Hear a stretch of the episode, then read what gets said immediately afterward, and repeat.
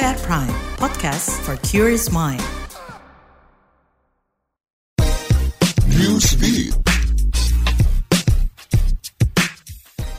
Imbas memanasnya konflik antara Israel dan Hamas Palestina, Perserikatan Bangsa-Bangsa mencatat lebih dari 19.000 orang mengungsi di Lebanon. Melansir AFP, juru bicara Badan Migrasi PBB, Mohamed Ali Abu Najela memperkirakan jumlah pengungsi bakal terus bertambah seiring perkembangan memanasnya ketegangan di lintas batas. Sebelumnya, militan Hamas melancarkan serangan ke Israel dari jalur Gaza 7 Oktober lalu dan dibalas Israel keesokan harinya. Serangan kedua belah pihak tersebut menghilangkan ribuan nyawa masyarakat atau warga sipil.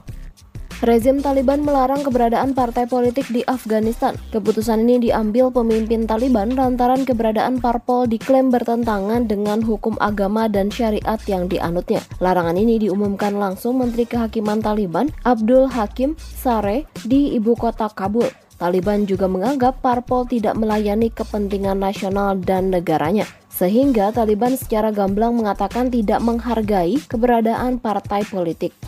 Lukisan landscape barokue yang hilang pada Perang Dunia Kedua dan berada di Amerika Serikat sebagai barang curian selama ini akhirnya kembali ke Jerman. Melansir Associated Press, lukisan karya seniman Austria abad ke-18 Johannes Franz Nepomuk Lautere itu dikembalikan dari Amerika Serikat ke Jerman pada 19 Oktober 2023. Biro Penyelidikan Federal AS FBI menyerahkan karya seni itu ke perwakilan Museum Jerman dalam sebuah upacara singkat di konsultan Jerman di Chicago, Amerika Serikat.